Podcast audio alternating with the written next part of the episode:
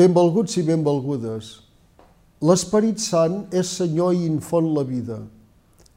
Aquestes paraules extretes de la professió de fe del Concili de Constantinople de l'any 381 i que resem en l'anomenat credo llarg de la missa, ens ajuden a entrellocar què volem dir quan els cristians afirmem que creiem en l'Esperit Sant. Ell és Senyor, és a dir, és Déu com el Pare i el Fill. Precisament per aquest motiu, ell obre en la nostra vida infonent-nos la vida veritable. A més, l'Esperit Sant obre en l'amor recíproc dels fidels, com esperit d'amor i de comunió fraternals. Ell ens fa viure la joia de l'Evangeli, tot i les contrarietats i dificultats de l'hora present, agreujades per la pandèmia. Ens convé de recordar-ho, vivint com vivim, temptats de pessimisme pels quatre cantons.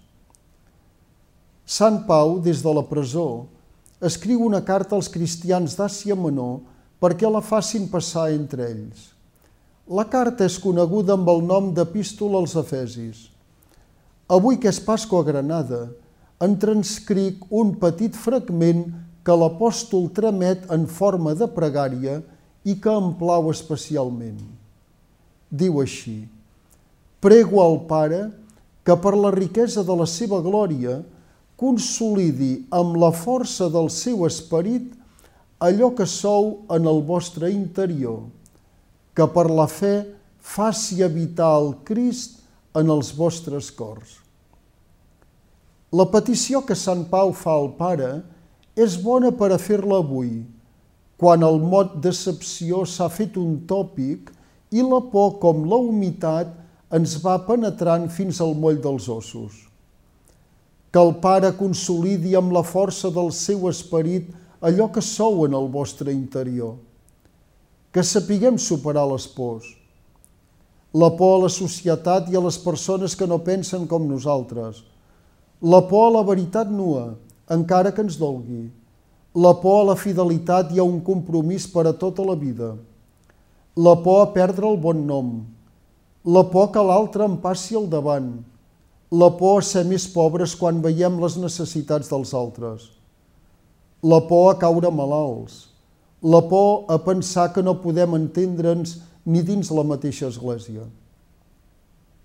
Que el Pare consolidi amb la força del seu esperit allò que sou en el vostre interior.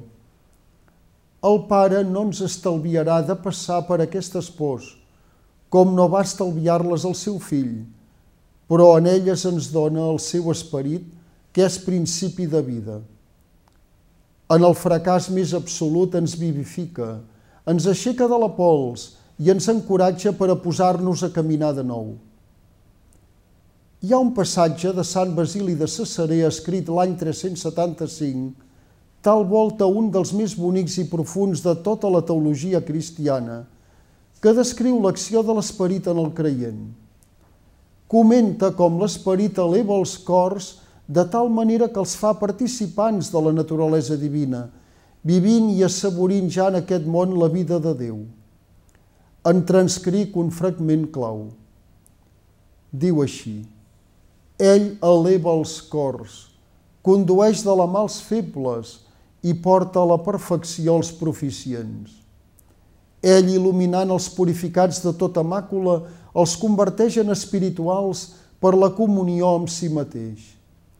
I així com els cossos polits i lluents, quan els toquen els raigs lluminosos, esdevenen encara molt més brillants i sembla que escampin llum d'ells mateixos, també les ànimes que porten l'esperit són il·luminades per l'esperit, esdevenen elles mateixes espirituals i comuniquen la gràcia als altres.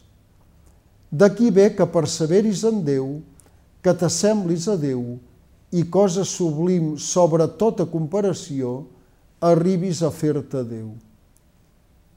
Posem-nos, doncs, a caminar i encara que les coses marxin igual o pitjor, tenim l'esperit que el Pare ha vessat en nosaltres, que ens comunica vida i joia per no aplanar-nos i poder continuar endavant.